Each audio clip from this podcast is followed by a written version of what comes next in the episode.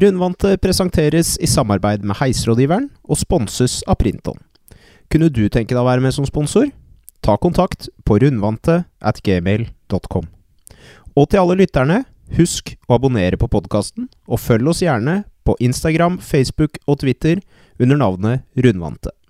Da er det bare å lene seg tilbake, plugge inn proppa og nyte dagens episode. Takk for at du hører på. Nå droppes pucken.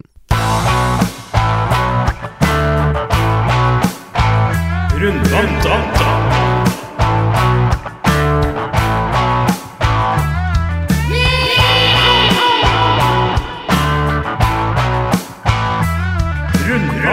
Ja, hjertelig velkommen til eh, episode sju av eh, Rundvante. Sommeren er eh, vel overstått, eller begynner i hvert fall å bli det.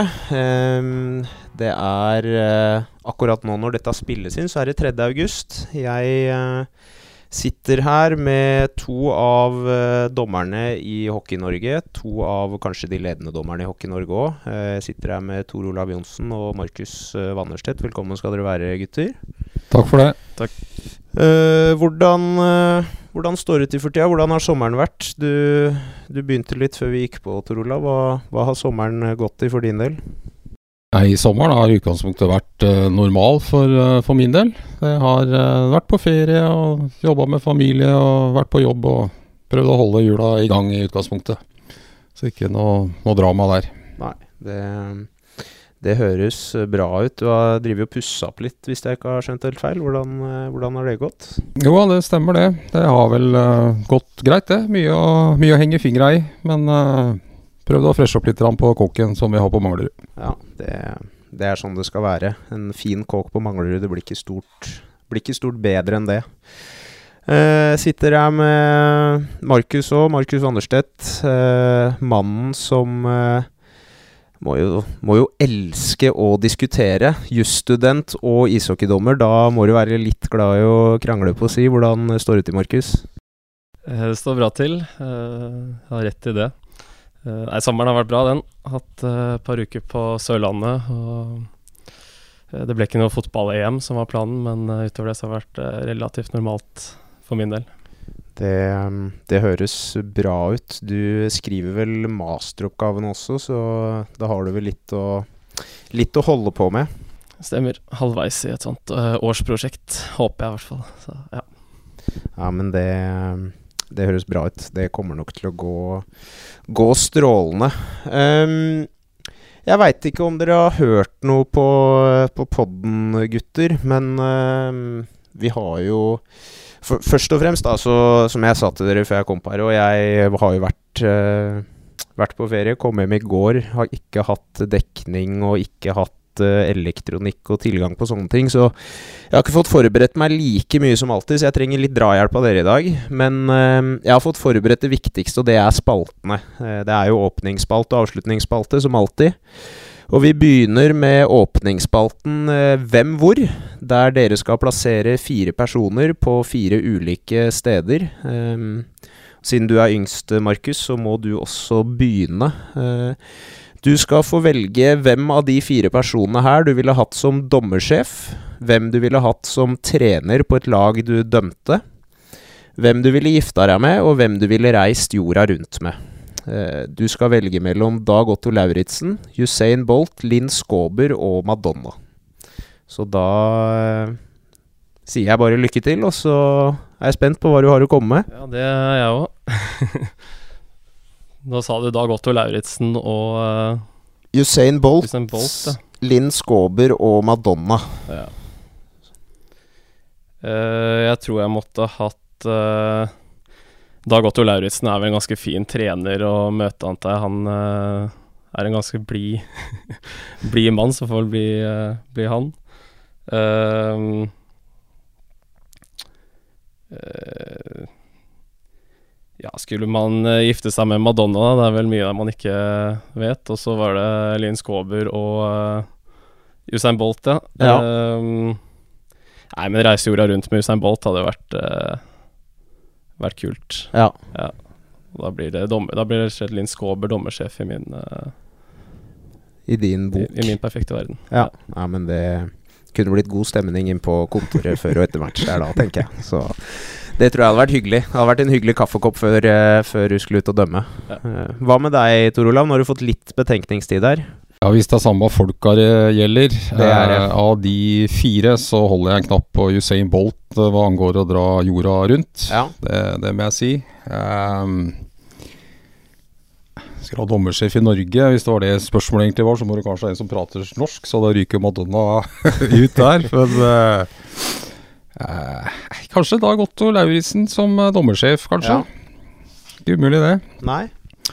Eh, gifte seg med Tja, det må jo bli Linn Skåber i verste fall. da Vet ikke om det er noe sjakktrekk, men eh, i hvert fall det som står igjen. Ja. Og da endte vi opp med Madonna som trener. Ja. Ja, Det- kan jo være fyrverkeri Nå har det litt interessant òg, kan ikke safe hele tida. Nei, da Det er ikke krise om du mister boomblasteren på match, i hvert fall. Da Nei, kan du opptre litt sånn uh, imellom der. Nei, men det um, Det høres bra ut, gutta. Det er gode valg. Um, så uh, Så det høres ut som en bra sammensetning.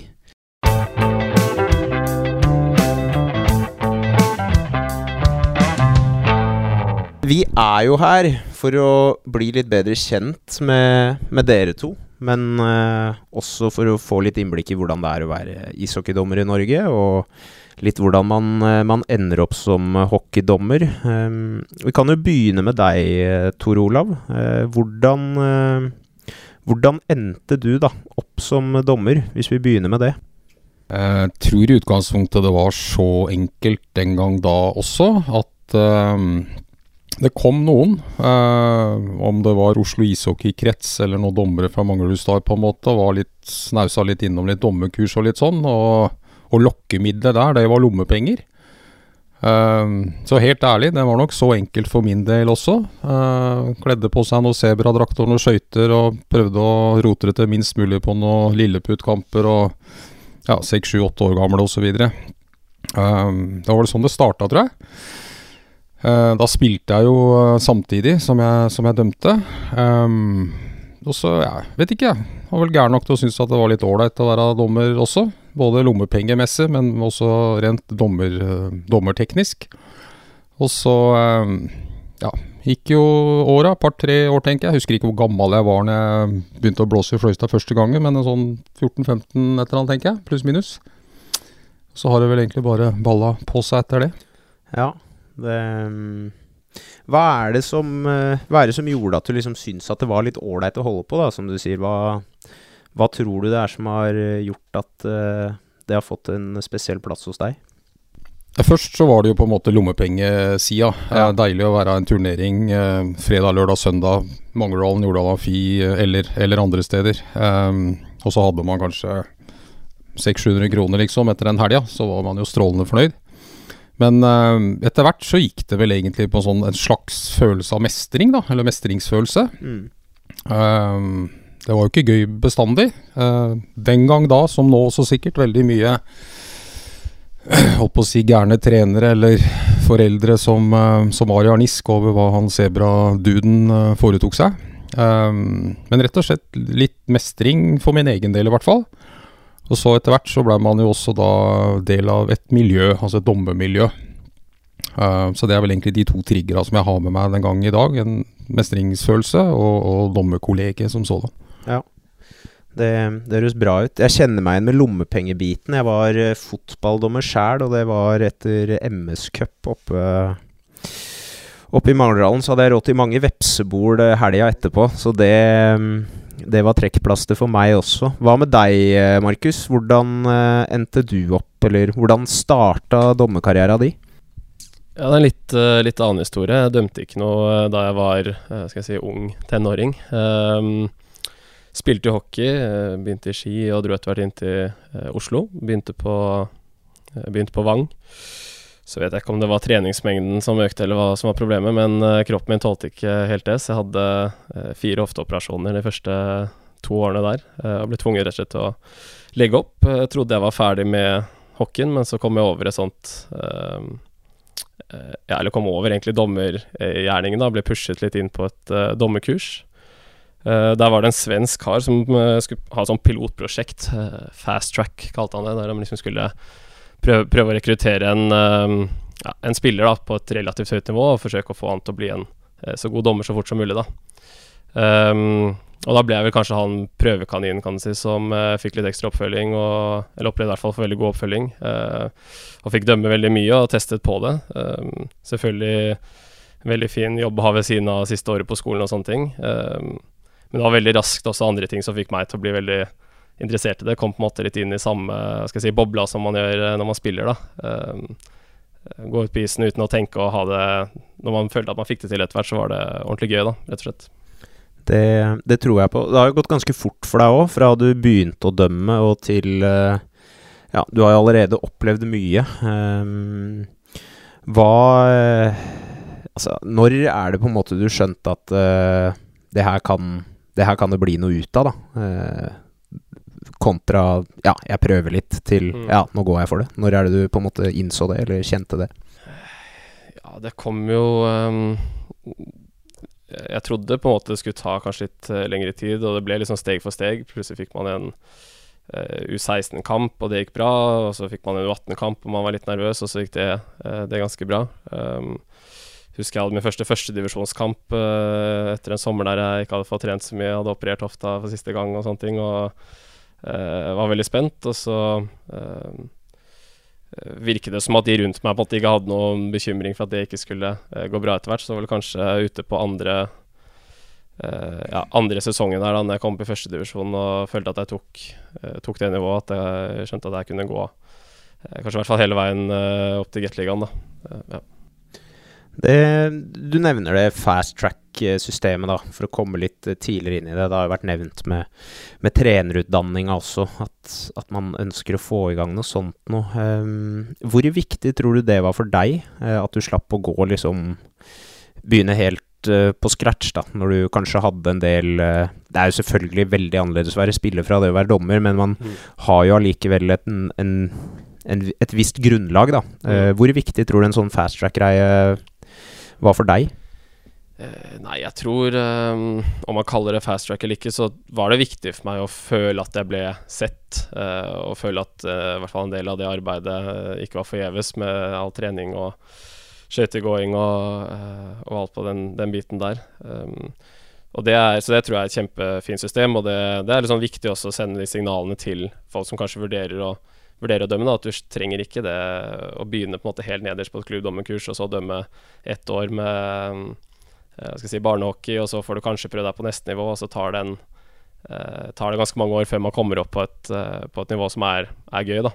Eh, eller ja, den biten kan også være gøy hvis man ønsker å komme, eh, komme så fort opp som mulig. Um, så, så det er um, veldig kult med dette fast track-opplegget. Man kan sette navn på det, men uh, det at man følte seg sett, uh, og det er fordelen også med at det er et relativt lite nivå, man, eller lite miljø, unnskyld, at man blir relativt fort kjent da med enten det er dommersjefen, eller om det er de som er ansvarlig for utviklingen, eller, eller andre, da. Ja. Så jeg opplevde i hvert fall veldig, veldig fort å bli, bli sett da, som, som en spiller som hadde spilt, eller en ny dommer da, som hadde spilt på et relativt greit nivå. Det, det høres bra ut. Hvordan har det vært for Eller hvordan er det for deg, Tor Olav? Du er jo en, en generasjon over Markus, på en måte. Men uh, hvordan er det for deg å se når nye dommere kommer opp? Er, det, er det gøy? Føler du noe uh, Hvordan tar du imot den nye, nye generasjonen dommere som kommer opp? Hva, hva tenker du det er viktig, og, viktig for en, eh, en ung kar som kommer opp? Nei, jeg bryr meg egentlig ikke noe om det i det, i det hele Nei da. Vet du hva, det syns jeg er helt fantastisk strålende. Um, akkurat som man blir på en måte glad i spillersida i hockey. Jeg spilte jo til jeg var 18-19 år sjøl. For jeg måtte ta et valg mellom å dømme videre og spille videre. Uh, men det å se at det kommer opp uh, ja, kall det yngre talenter, da, syns jeg er, er helt strålende. Uh, man blir på en måte glad i dommerkollegiet som, som sådan. Og er gøy å følge med. Eh, de som på en måte da legger ned det arbeidet som tross alt kreves. Eh, man skal stå på litt, man skal være på jobb holdt jeg på å si, når man eh, er på isen osv. Prøve å unngå de aller største blemmene og sånn. og det, det koster litt, både fra haka opp, men også fra haka og ned. Um, så jeg syns det er fantastisk uh, gøy. Har vel, uh, Det får andre egentlig si noe om, men uh, prøvd egentlig å, å, bidra og bistå i den grad man har noe å, å komme med. Um, og ja, kanskje også til og med prøvd å, lære bort noe, da, hvis det er på en måte en, en slags nivåforskjell mellom yngre som kommer opp, og noen som har vært med litt lenger. Mm. Hvordan har det vært for deg, Markus? Har du på en måte følt uh, at bl.a. da kanskje Tor Olav og, og den, de litt mer etablerte uh, dommerne uh, Hvordan har du følt at de har tatt deg imot, da? Ja, det er helt riktig som uh, Tor sier. Det er, um, jeg tror det er veldig viktig å ha de litt mer rutinerte og, og eldre kanskje kan, kan gi mye tips og råd, og også litt trygghet. Uh, det er jo rart første gang man går ut foran mange tusen, tusen mennesker som, eh, som, eh, kan legge litt press på deg. Um, og da hadde vært, det hadde ikke vært noe enklere hvis man da følte at man ble litt sånn dårlig tatt imot, og kanskje at det bare var konkurranse ikke sant, om å uh, få beholde plassen sin i Gateligaen hvis det er det det står på, eller andre ting. Um, så for min del var det kjempeviktig at Trolav spesielt, og, og også andre um, At man følte at man ble ordentlig tatt, tatt under vingen. da um, og gruppa som helhet opplever jeg i hvert fall har veldig lyst til å få opp nye I forumer som dette her så hører man alle prate om at man gjerne ønsker flere, enten om det er unge som begynner å dømme, eller om det er spillere da som konverterer og begynner å dømme. Um, så det oppleves som en veldig sånn fin kultur, at man ønsker å få hverandre opp og frem. Og det å ha forbilder som man kan, kan se opp til og sett, også at det kan lykkes både nasjonalt og internasjonalt. da. Um, å få dømme en som Tor Olav, som måtte ha dømt uh, en rekke av VM f.eks., er jo um, er en kjempetrygghet. Og det er viktig å ha noen å se opp til. sånn sett. Det, det skjønner jeg. Uh, du nevner det med forbilder. jeg bare lurer litt på, fordi altså, når du er åtte år gammel, så er Crosby eller Gretzky på den tida, eller Det er de gutta man ser opp til, det er de man drømmer om å bli. Eh, og så veit man at de færreste blir det. Eh, jeg etter hvert òg la jo skøytene på hylla, ble trener. Eh, og så begynner man kanskje å ta etter, i hvert fall for min del, da, som trener, så begynner man å se på se på spillsystemer til de ulike lag og begynner å ta etter, og så finner man noen trenertyper man liker, og så uh, idoliserer man kanskje de litt. Eh, hvordan er det som dommer? Er det noe av det samme der, Tor Olav? At man på en måte finner noen dommere man ser litt opp til, eller bygger man litt mer sin, annen, sin egen vei med, med, de gutta man har rundt seg? Det var et veldig godt spørsmål. Um, Markus får svare for seg sjøl etterpå, men eh, jeg tror ikke jeg har hatt noen sånn hardcore sånn dommeridol eh, når jeg på en måte har vokst opp. Eh, den eneste jeg på en måte kommer på i farta, det er egentlig på tvers av alle lagidretter. Uh, hvis du tar bort litt sånn NHL og NBA og sånt, men mm. på, jeg, på europabasis så er en, den var en fotballdommer som het Colina. Mm. Uh, så kan man si hva man vil om han, men, men uh, jeg tror han en periode var den uh, aller beste dommeren, kamplederen, på tvers av alle idretter en periode. Hvis du tar liksom håndball, fotball, hockey mm. osv. Og min opplevelse, i hvert fall. så er jo han en spesiell type og osv., men var, var, unikt å se på hva han klarte å, å få til. Eh, mange vil sikkert huske en med øyer som kunne stirre i senk og var flintskalla, tror jeg. og sånt, Men han hadde også en veldig fantastisk tone med, med spillere. Mm. Kunne gi dem gult kort først, og så rekke opp hånda og trekke dem opp fra, fra gressmatta etterpå. Eh, så han uh, er vel en type jeg på en måte har bitt meg merke i. Uh, andre, når man kanskje har vært litt uh, ja, ute og dømt, kanskje, så har man jo sett noen typer profiler eller sett ting ved enkelte dommer, akkurat som de som har, har vært med og spilt kanskje i Gateligaen og sånn, også har sett enkelte spillere som man, man syns er bra. Um, Litt grann småting kanskje man plukker med seg, men en sånn rent sånn hardcore idol som man har sett opp til, uh, enten som spiller opp til Gwen Gretzky eller nå nyere da Sidney Crosby og sånt noe, det det tror jeg ikke jeg kan huske at jeg har, uh, har vært borti. Nei.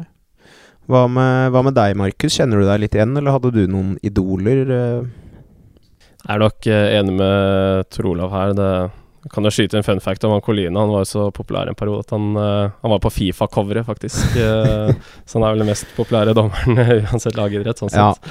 Eh, nei, det er nok ikke noe sånn uh, hardcore forbilde som uh, Trolav sier, men man plukker, eh, plukker med seg litt her og der, og det tror jeg er litt, viktig at man ikke prøver å kopiere noen, men finner sin egen eh, måte å dømme på, være på og virke troverdig på der ute. Og da, da har man selvfølgelig eh, eh, noe man ser opp til eh, på en måte, med, når det kommer til eller, Man plukker litt fra, fra hver da, når det kommer til ulike egenskaper man ønsker å liksom eh, kopiere. Så mm, eh, jeg tror det går med på det at man eh, ser, ser noen man syns er flinke, og så plukker litt her og der og skaper sin egen eh, profil. da.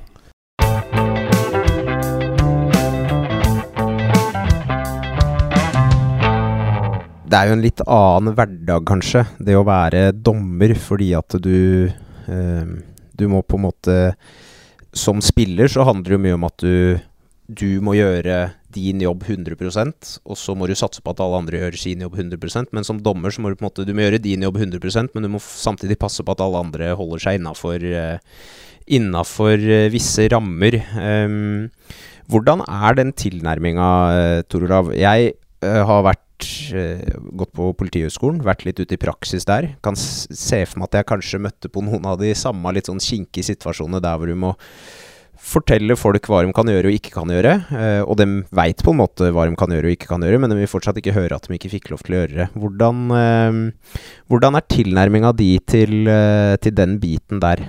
Det er jo et interessant oppsett, da, kanskje det, hvis vi gjør det enkelt da, bruker bruke på en måte dommergjerningen i Gateligaen. Eh, så kommer man i utgangspunktet til en arena hvor det er 20 aktive herremenn primært da, i skøyter og full påkretsel, eh, og 20 på andre sida, som ikke er spesielt interessert i å få de andre til å se best mulig ut. Eh, og så har du noen lagledere, trenere osv. med mer eller mindre grad av empati og forståelse for det man holder på med. Og så skal man på en måte prøve å sy sammen dette her da en gitt kveld til å bli eh, så bra som mulig, eller best mulig. Eh, både opplevelsesmessig, men også selvfølgelig resultatmessig eh, rettferdig. Det, jeg vet ikke, det er veldig åpent spørsmål på en måte, men skal, vi kan sikkert snakke litt mer om dette på, for det er et ganske interessant tema. Men jeg tror kanskje det starter litt med å ha en slags kunnskap eller forståelse om at på et ishockeylag så er det ulike rollespillere. Ja. Um, noen skal se, unnskyld uttrykket, pene og pyntelige ut og putte pucken i mål, selv om jeg veit at det også krever veldig veldig hardt arbeid. Ehm, andre er på en måte, i gamle dager kalte de på en måte fyllekalk, men på en måte har likevel viktige roller. Ehm, noen skal på en måte være en power-rekke på en måte og gønne på å knuse litt, og kverne førsterekka til motstandere i stykker osv. Så, så det å ha litt forståelse for det uh, i starten uh, eller av en kamp eller i en Gateliga når man dømmer det, det tror jeg er veldig viktig. Så skal man ikke behandle de forskjellig på noe som helst slags vis, men da får man på en måte da velge hvor mye man skal trykke på eller ikke, da, for å bruke den, eh, den setupen du hadde med når du var på Politihøgskolen, på en måte. Så går det jo an å prøve å være semi-sindig og hyggelig først. Eh, og Hvis det ikke går, så har vi et egentlig ganske greit regelverk, synes jeg, å forholde oss til.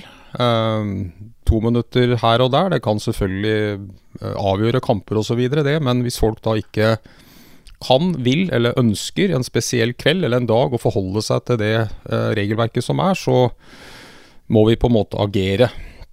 Dels for å ivareta vår egen integritet, men også da at det blir en, en rettferdig behandling og et rettferdig resultat den kvelden eh, som kampen spilles. Mm.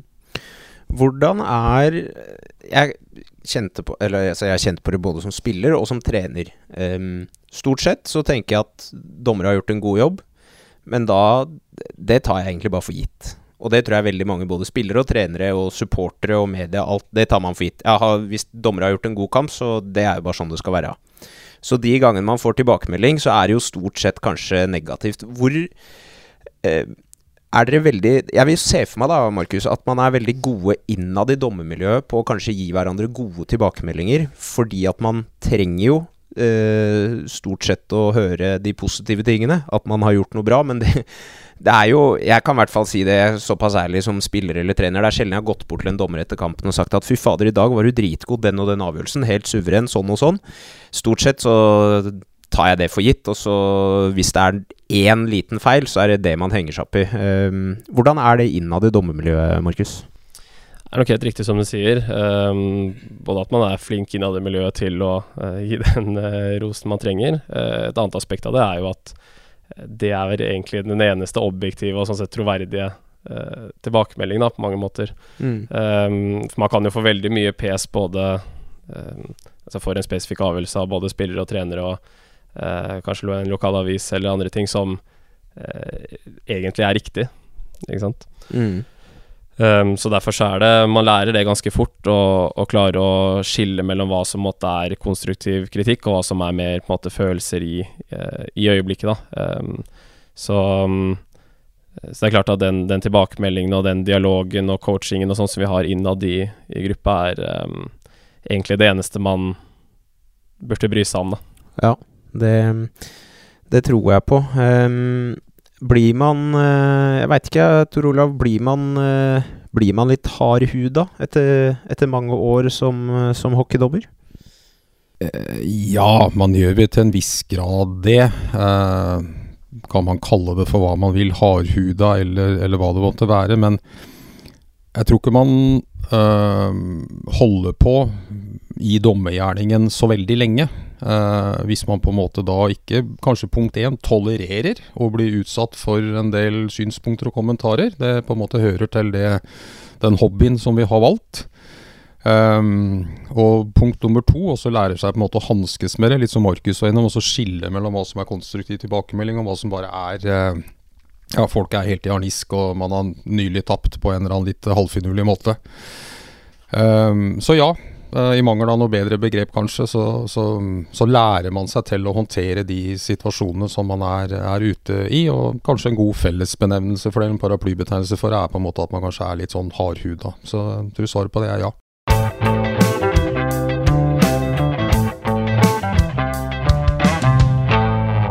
Samtidig, da, som man uh, kanskje ja, som du sier, det kan uh, brenne litt under føtta på folk rett etter et match og, og sånne ting, så, så, føler jeg også at man sånn generelt sett over ett, så uh, har veldig mange, i hvert fall ishockeymiljøet, eh, ganske stor respekt for Eh, mange av dommerne i Hockey-Norge. Sånn som eh, jeg veit at du, Tor Olav, blant veldig mange har en, har en høy status. Folk syns at du gjør en god jobb, og, og um, du har på en måte respekt for den jobben du gjør.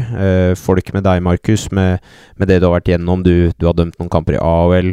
Du er på en måte litt på vei opp og fram. Folk syns det er veldig kult. Klarer man å, klarer man å ta det litt til seg òg, Markus? Jeg veit ikke.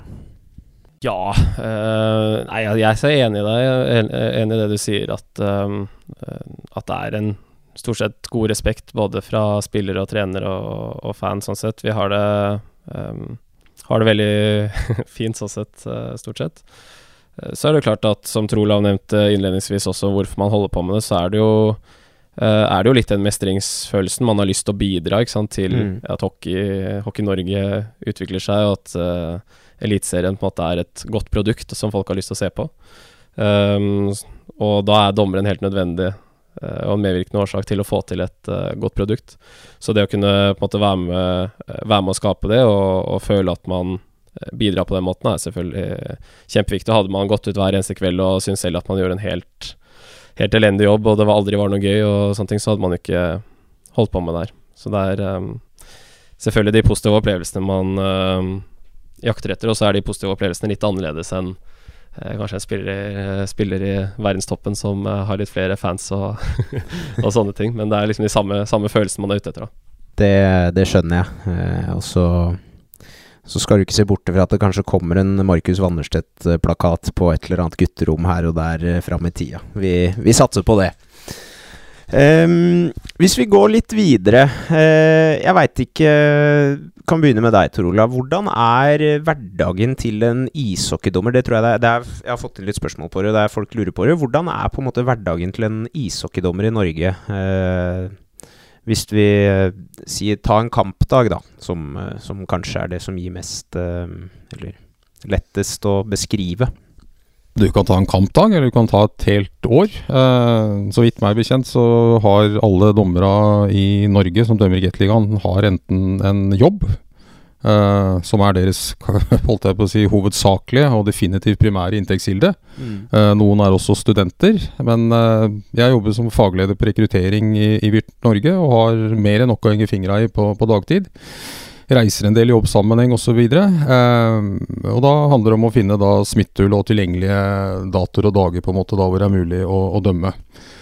Så eh, man, jeg er i hvert fall noen ganger sliten, sånn rent jobbmessig osv. Og, så videre, og da handler det på en måte om å prøve å, eh, å riste av seg dette her, da, og kanskje starte forberedelsene enda tidligere enn på kampdagen. Eh, gjerne dagen før. Eh, passe på enda bedre enn det man gjør vanlig, men å spise og drikke riktig. Uh, og sette seg opp på en måte ta best mulig utgangspunkt. Passe på ikke krangle med dem man deler uh, husrom med på kvelden der, og så komme seg sånn anstendig tidlig i seng. Um, og så prøve, hvis man har anledning da rent jobbmessig, uh, å, å, ha en, kall det fornuftig, da, normal arbeidsdag, og ikke være helt utkjørt eller utslitt som sådan. Uh, kanskje prøve å stikke av gårde en uh, Hører ikke arbeidsgiveren høre på dette her, men stikke av gårde en halvtime før osv. Um, få litt ro i sjela, linke opp med dem man skal dømme sammen med, liksom, og så komme litt i den sonen som vi også er avhengig av å gjøre rent, rent dommemessig. Så um, Nei, det er jeg, jeg, vet på en måte ikke hva folk kan tro at, at, det er, om vi liksom legger og later oss hele dagen, og så reiser vi oss opp fra sofaen den dagen det er match, liksom. Jeg tror ikke det er så gærent, men men du kan lure noen ganger. Men sånn er det bare. Det er, alle har enten studerer eller har vanlige jobber ved siden av. Noen jobber er sikkert enklere, og andre er vanskeligere hva gjelder vanskelighetsgrad og hvor krevende de er og sånn. Men nei, man må, man må, være på jobb også da når man entrer isen. Og gjerne ofte da i god tid i forkant av det. For min del gjerne dagen før, eller i hvert fall kvelden før. Ja, det er jo det er jo en hektisk det er jo en hektisk arbeidshverdag. Um, og det er jo mye farting, det er mye reising. Uh, spillere og trenere klager jo på at de ikke har det som hovedbeskjeftigelse, dette med hockeyen. Men det har jo definitivt ikke dommerne heller. Men det virker ikke alltid som man kanskje tar helt høyde for. Um, jeg veit ikke, Markus. Hvordan er en typisk uh, dag for deg inn mot hvis du skal dømme match da, på kvelden? Som student så har det egentlig vært veldig fint å kombinere i hvert fall det studiet jeg har gått, som har vært veldig fritt. Um, så da, spesielt da jeg kom opp, så kunne jeg leve litt som en, uh, en proffdommer ville gjort, da kan du si. Jeg tok ofte fri uh, hele den dagen jeg hadde kamp. Uh, liksom står opp, sørger for at man får nok mat og drikke, går en tur, lader opp, kanskje sover en time midt på dagen. sånn som man ville gjort da hvis vi hadde drevet med dette på fulltid. Uh, ellers så er det jo å sørge for å um, være i, i, god nok form, da. Uh, samme måte som spillere så må man trene hele sommeren, man må trene mellom kamper uke, i ukene i sesong. Uh, og det er klart, det skaper jo litt sånn logistikkproblemer, og som Tor Olav sa, så er det jo ganske stor forskjell på ta meg som er student med ganske stor frihet uten barn og sånne ting, til en Eh, som kanskje er oppe på nettene et par ganger og passer på et nyfødt barn, og så skal jobbe eh, fra syv til fem, kanskje, hvis man har litt eh, tøff, tøff, jobb, og så skal man kjøre noen timer i bil, og så skal man hoppe rett på isen. Det er eh, Jeg tror vi får veldig mye ut av de eh, At mange er flinke til å virkelig prioritere dette her og, og, få mye ut av de ressursene vi har, men det er ikke til å stikke under en stol at i en ide, ideell verden så, så, skulle man jo hatt eh, Skulle alle hatt muligheten til å ikke ha, ha, så stor trykk, særlig kanskje på kampdager og, og, andre ting. da. Og det ser vi jo med nasjoner som vi på en måte konkurrerer mot internasjonalt også. Um, når vi er på turneringer, så er, har de aller fleste nasjoner um, fulltidsansatte dommere. da. Både i store hockey-nasjoner som selvfølgelig USA, Canada, eh, Sverige, Finland osv. Også Tyskland. Jeg hørte du hadde intervju her med Olden i EBL i Østerrike. så har de en del fire-fem fulltidsansatte dommere. Um, så internasjonalt så er det dit, dit trenden går, og, og ja, så vi ser om vi kommer dit en dag eh, også i Norge.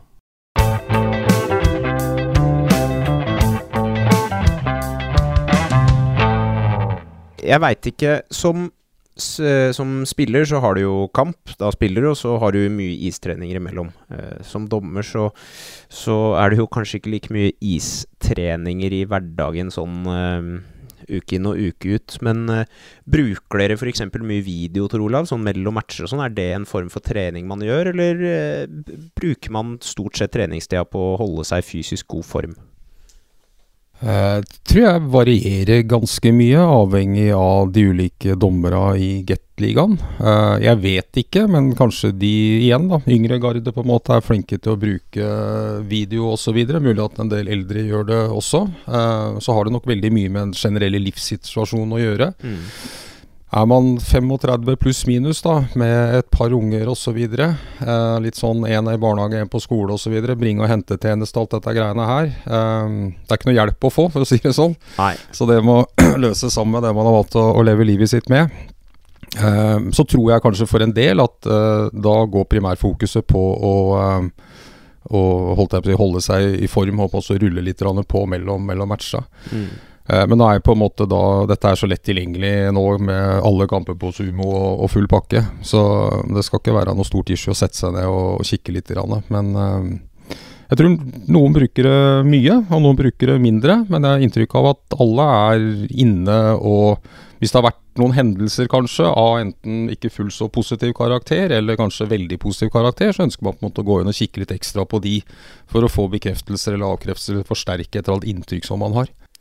Ja, det Jeg så jo eh, webinaret ditt med, med Tollesen, Markus. eh, til dere som ikke har sett det, det anbefales på det sterkeste. Det var for meg veldig interessant, da. eh, der hvor du tar opp en del ting, f.eks. dette med vinkler. Hva ser man fra ene vinkelen kontra andre vinkelen, og, og sånne ting. Da slo det meg at du kanskje bruker video litt innimellom, i hvert fall. Jeg vet ikke hvordan er din tilnærming til, til det? Ja, eh, vi gjør jo det. Um, så for min egen del så, så ser, jeg, eh, ser jeg alle kamper. Um, I hvert fall nøkkelsituasjoner, som Trolav sier. Det er ikke alltid man ser, eh, ser hele. Gjerne uten lyd. Det kan være litt morsomt. Um, kanskje også for å, teste det noen ganger og se om man på en måte har noen andre følelser knytta til, til dømmingen da. Um, altså jeg liker å, å se en del og jeg syns jo det aspektet med eh, Ja, nå nevnte jo du denne eh, dette webinaret, og der snakker jeg litt om det med at vinkler ofte er mye viktigere enn avstand. Um, og det Det tror jeg er et sånn underkommunisert poeng, og noe som kan være litt vanskelig å, å forstå før man har forsøkt å dømme litt selv. Um, så jeg tror det var ganske illustrativt, eh, de videoene som, som var med der. Men tilbake til spørsmålet ditt, så tror jeg videoanalyse helt, helt klart er veien å gå. Vi jobber også en del innad i team, eh, teamet på en måte i hallen, kanskje rett etter kampen. Eh, Vi har jo en supervisor eller en eh, veileder, om du vil, på hver, hver kamp, og da mm, er det ofte at de har med en del videoer ned i, i garderoben, som vi kan se på og diskutere på en måte allerede der, da. Og det, mm, det er kjempenyttig verktøy både for å se hvor man på en måte plasserer seg, om man plasserer seg riktig, akkurat samme som, som man vil gjøre som spiller, og så for å diskutere enkeltsituasjoner. Da. Det, det høres veldig bra ut. Eh, Jeg kjenner, kjenner meg igjen på det med vinkler sjæl. Jeg har stått som både trener og spiller og ikke forstått hvordan en kan dømme noe som står eh, 20 meter unna, når han eller hun som står to meter unna, velger å ikke dømme. Så nei, som sagt, gå inn og se det webinaret. Det var eh, det var svært interessant. Eh, Så nevner du dette med lyd. Eh, Det er selvfølgelig et spørsmål jeg må stille. Kan du begynne med deg, Markus? Hvor lett eller vanskelig er det å bli påvirka eller ikke bli påvirka, da? Sier du går inn i CC Amfi, det koker eh, 7000-8000 tilskuere. Eh, det må jo være utrolig vanskelig å på ingen måte la seg påvirke av det. Hvor eh, Det er en sånn mentalbit. Hvordan jobber du for å, for å være best mulig rusta til det, da? Her eh, Det er nok litt individuelt både hvordan man takler det, også hvor lang tid det tar å lære seg å takle det. For det er eh, eh, Her har nok erfaringen del å si, at man har blitt utsatt for det en del uh, ganger. Uh, så er det nok sånn at um, jeg tror mange flere av de avgjørelsene vi tar der ute, går eh, veldig på refleks, egentlig. Det går Mm. på sånn magefølelse som man får med en gang. Man rekker ikke å tenke så veldig ofte. Um, og det er klart at da blir man Da kommer jo ikke den påvirkningen så mye inn, for det er Ofte så kan man stå der med armen i været og ikke være helt sikker på om det er en gul eller en blå, holdt jeg på å si, man har tatt utvisning på. Um, så jeg tror um, det er klart det er ikke så mange andre arenaer i livet der du opplever at 8000-9000 mennesker står og uh, skriker når de tar en avgjørelse, men jeg tror nok det er mulig for, uh, for alle å lære, og så er det selvfølgelig erfaringa kjempeviktig på den, den, fronten her, at man klarer å, klarer å, stå imot det. Og det er klart, det er jo, vi er jo mennesker, um, så noen automatikk i det er det ikke, men der tror jeg også forberedelsene kommer inn, at man uh, Uh, føler seg vel, føler seg godt. Man vet man har gjort alt man kan, på en måte stå riktig plassert. Har en på en måte er, er selvsikker, og der kan jo trekke tilbake til de video, videoanalysene hvis man har hatt en del sånne erfaringer da, der man kan bli litt usikker kanskje fordi publikum er veldig mot deg, så kan man gå inn og se, se etterpå. Kanskje man mener selv at man har gjort det riktig, da. Og alle sånne sånne erfaringer hjelper, hjelper på, da. Så jeg tror Ja. Ja, det, det skjønner jeg. Eh, du Tor Olav har jo vært i Ja, du har jo vært i mange sånne kamper og opplevd mange sånne situasjoner. Eh, kjenner du deg igjen i litt av det Markus sier, at det kommer litt med erfaring? At man blir liksom litt tryggere, eller det, det påvirker deg litt mindre etter hvert som man har opparbeida seg litt erfaring? Ja, det tror jeg vel er riktig sånn på generelt grunnlag. Eh, det å dømme for 7000-8000 på en måte er en, en, spesiell følelse. Og hvis man over tid, kanskje, eller over år, eller over x antall kamper, på en måte da i hvert fall har en egen følelse, og, får også tilbakemeldinger på eh, at man kom rimelig greit unna det, eh, så blir på en måte det eventuelle spøkelset, om ikke mindre etter hvert, da, så blir det kanskje litt mindre farlig. Um, jeg vet ikke, ja, men for min egen del, så når du snakker 7000-8000 stykk, så drar vi ofte da litt sånn mot tampen av sesongen. Det drar i gang mot playoff og sånn, og det er på en måte da den i hvert fall tida jeg syns er aller mest spennende, aller kulest, aller best. Det er Egentlig litt sånn som spillere har det. Mm. Alle går og venter på, og håper osv. Um, spillere håper vel at de er gode nok til å få lov til å være med A på laget og B en eller annen femmer eller en spesialrekke med noe boxplay PP et eller annet sånt noe.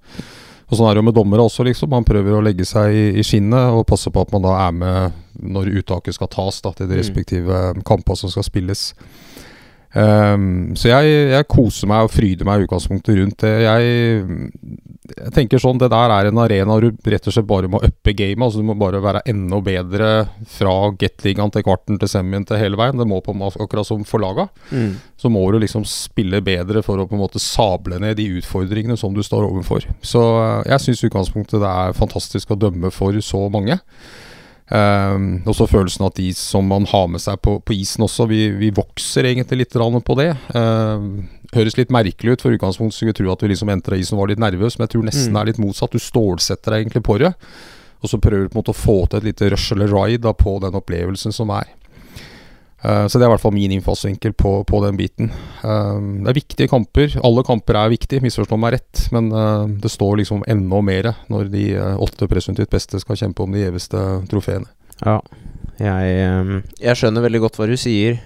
det er jo Jeg kan kjenne meg igjen der som f.eks. trener. at det er jo da man man blir kanskje litt bedre da også, som trener. Man, man, blir flinkere til å sette ut på riktige spillere til riktig tid og, og, og så videre. Um, vi skal snart inn på avslutningsspalten, men um, Men uh, aller først så, så, må jeg bare spørre deg uh, Kan du ta deg da, Markus? Du du er jo jusstudent og hockeydommer. Uh, du kan vel sikkert flere lover og regler enn de aller fleste. Eh, samtidig så er det jo en, en dommers hverdag eh, sånn at alle tror jo at de veit best. Eh, hvor frustrerende kan det være å kjenne på innimellom, når du, du veit at den du prater med, ikke egentlig veit helt hva han eller hun sier. Samtidig så står han eller henne veldig på sitt og mener at du har totalt feil. Hvor frustrerende kan det være til tider? Nei, jeg vet ikke. Altså, sånn på generell basis så tenker jeg at uh, det engasjementet er noe vi lever veldig godt med, og som vi er glad i. Uh, og som vi er helt avhengig av for å kunne på en måte holde på med det vi, uh, det vi har lyst til. Um, det andre er at veldig ofte så er ikke hockeyen svart-hvitt. Man kan Én ting er regelen i seg selv, den klarer de fleste å lese seg frem til, men um, det kan være både dommere og eksperter eller, eller andre som har sett det samme og kan lese reglene og likevel komme til to veldig ulike resultater. Um, så Nei, det er veldig sjeldent egentlig at jeg opplever noen sånn frustrasjon rundt engasjementet. Det er um, um, Det kan selvfølgelig hende i en uh, enkel diskusjon uh, når det blir litt hett uh, og sånne ting, men uh, uh, ja. Det lærer man seg å leve med det, jeg tror, tror de aller, aller fleste dommere hadde savnet litt det, det engasjementet der, da. Og så kan man selvfølgelig, som du sier noen ganger uh, være gang veldig sikker på at man har gjort, gjort, noe rett, og så vet man at man ikke kommer uh, ut av en diskusjon, eller uh, at man ser på et intervju der man vet at kanskje sine egne synspunkter ikke kommer så, så godt frem, da. Men det, det, tror jeg vi lever veldig fint med, altså. Ja. Du og Tor Olav, lever, lever, du fint med det, som Markus sier? Ja, jeg, hvis jeg lever fint med 7000-8000 på Lekdal, så er jeg vel det her også. Men, men jeg tenker litt sånn så at jeg kan, jeg tror man kan tro at vi ofte på en måte diskuterer regler og sånn med spillere. Eh, og komment, uh, Si gjerne, Markus, hvis du på en måte har en annen opplevelse rundt det. Men jeg føler på en måte ikke at det er så, det er ikke så mye regelen man står og diskuterer, men det er på en måte bruken og bedømmelsen av det, og kanskje mm. eh, følelsen av Kall det opplevd urettferdighet. Gjerne, veldig gjerne målt mot en det de opplever for en tilsvarende situasjon for mm. en liten stund tilbake. Da blir det jammen og 'nå må du ta deg sammen' og 'hvorfor vi og ikke dem' og 'alt må være likt' osv. Jeg tror egentlig der de, de varmeste følelsene egentlig ligger. Den angivelige følelsen av å på en måte bli behandla urettferdig. Så rent sånn regelteknisk og sånn, så føler jeg jo stort sett vi går på smeller, vi òg, misforstå meg rett. Men det er kanskje ikke så mye regeldiskusjon, hardcore regler jeg snakker om. Men det er liksom Nå har du gjort noe dumt, eller nå har du gjort noe feil. For det der er urettferdig, det var ikke sånn i stad. Det er egentlig der det kanskje blir de lengste diskusjonene, hvor, hvor spilleren på en måte da er heit når han, han eller hun kommer fram. Og så tar det på en måte tid å prøve å, å kjøle ned den orkan som, eh, eller vulkan som står og, står og brenner. da. Ja, så det, det, er på en måte følelsen at det ikke er konsekvent, da. Mm. Er det, det, er kanskje der det, det, blir mest uenigheter? Jeg tror det. Ja, kan være enig i det. Det er uh, Dømme begge veier har vel alle alle fått høre en gang eller to.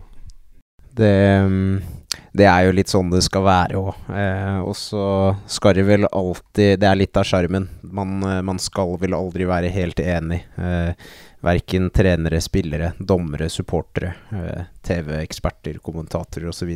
Det hadde vært veldig koselig en kveld, da.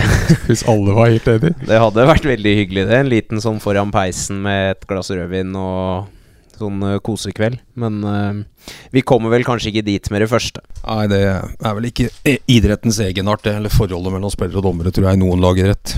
Det, kanskje heldigvis. ja, vi sier det. Kanskje heldigvis.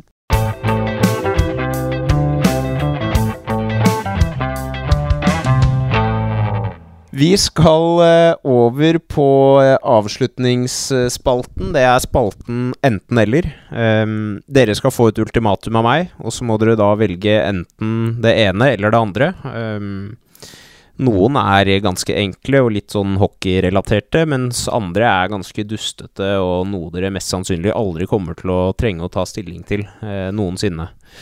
Eh, dere, får, dere, skal svare på alle ultimatumene begge to, men dere får annethvert ultimatum eh, først. Jeg veit ikke, Trola, vil du at Markus skal begynne, eller skal du få første? Det spiller ingen rolle. Han begynte i stad, så da kan sikkert jeg begynne nå, da. Da begynner du nå. Eh, dømme tre mot tre eller fire mot fire? Da er jeg raskt ute og si tre mot tre.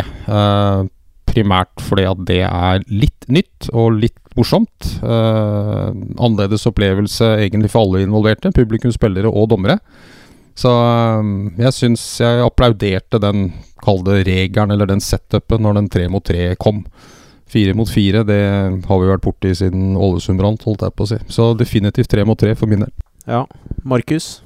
Jeg er helt enig. Det må være en av de beste regelendringene som har kommet. Og, eller er sånn typisk for hockeyen at man tør å, tør å teste noe nytt og være litt uh, innovative. Så helt klart tre mot tre. Det, det, kan jeg støtte. En, uh, en morsom vri. Uh, Markus, feilaktig annullere et mål eller feilaktig dømme et mål? Oi, den er, eh, den er vrien. Hvis vi sier at vi ikke skal eh, dømme mål Eh, Hvis man ikke har sett pucken inne, så kan man ikke dømme mål, men generelt så er man Vi er jo tilhengere av at det skal bli mye mål i, i ishockey, Og det er ikke Følelsen når det har blåst for tidlig og noen skårer åpen mål, den er, den er ordentlig vond, altså. Så um, kanskje, kanskje man skal være litt utradisjonell og si at uh, tvilen heller får kommende angripende, angripende laget til gode. Ja, det, som supporter så høres det veldig gøy ut. Uh, deg, Tor Olav? blir sikkert litt sånn eh, tørt uh, dommerregelmessig sett. Så det er, det er bare noe man har med seg, tenker jeg. Men uh, med tanke på å ikke dømme mål for en puck man ikke har sett inne eventuelt, så tenker jeg at det Det verste må være på en måte å, å annullere et mål. Altså hvor pucken Du tror at har vært inne, og den ikke har vært der. Ja. Men men det var ikke like er morsomt like, for det er like gærent uansett. Det var ikke Ja. like morsomt for podkast i Vetle, så Nei, det, det er bra. Vi trenger litt uh, Vi trenger litt kontroversielle svar her òg. Det er bra det, gutta. Uh, Tor Olav, kondisjonstrening eller styrketrening? Ikke lov å si begge deler, har jeg skjønt. Uh, nei, jeg eh, Jeg må sette en knapp på kondisjonstrening, egentlig. Det, har sikkert, det er mulig han svarer noe annerledes, men eh, man går igjennom ulike livsfaser osv.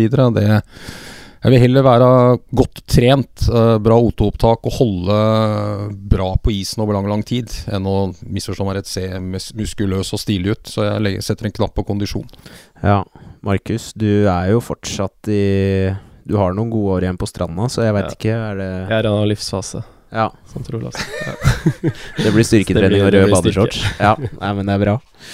Eh, så kommer vi til den evige diskusjonen, Markus. Android eller iPhone? Ehm, nå har jeg hatt eh, Android og Mac de siste årene, en uh, fin kombinasjon. Og så skal jeg ha iPhone og PC fra jeg begynner å jobbe i januar. Så, um, men uh, jeg er veldig fornøyd med Android, altså. Ja. Ja. Hva med deg, Tor Olav? Nei, Jeg har ikke hatt noe annet jeg da enn iPhone, så eh, jeg er godt fornøyd med det. Ja. Så da er det så såre enkelt å si at nei, iPhone det er fine saker. Ja, det Den er grei. Eh, vi er jo Det er jo sommer og sol. Eh, Tor Olav, eh, sandvolleyball eller sånn padeltennis?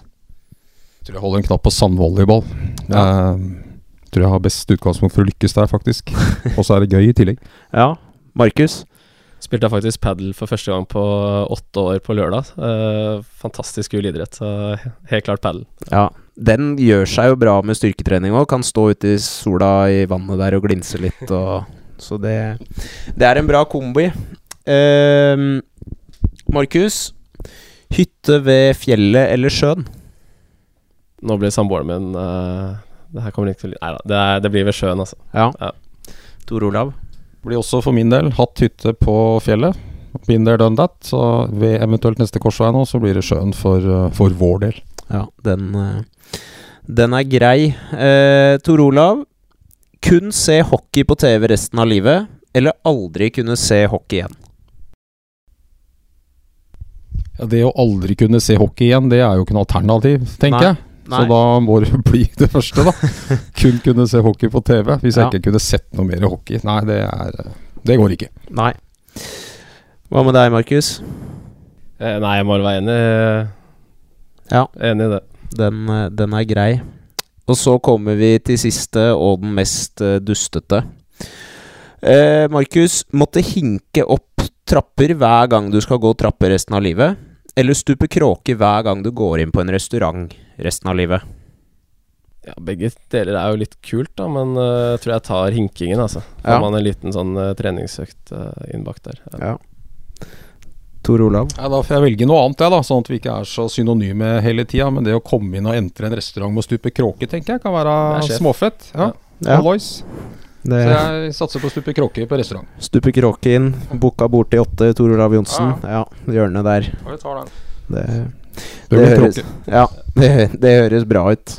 Nei, men det er eh, strålende, gutter. Nå har vi sittet her i snaue timen. Eh, jeg har syntes det har vært eh, veldig interessant og veldig morsomt å få litt mer innblikk. Det tipper jeg Tipper jeg flere av lytterne syns òg. Jeg har fått inn litt spørsmål som jeg har prøvd å få fletta inn i, i spørsmålene jeg har stilt dere, så jeg håper folk også har fått litt mer innblikk. Er dere klare, taggad, for ny hockeysesong?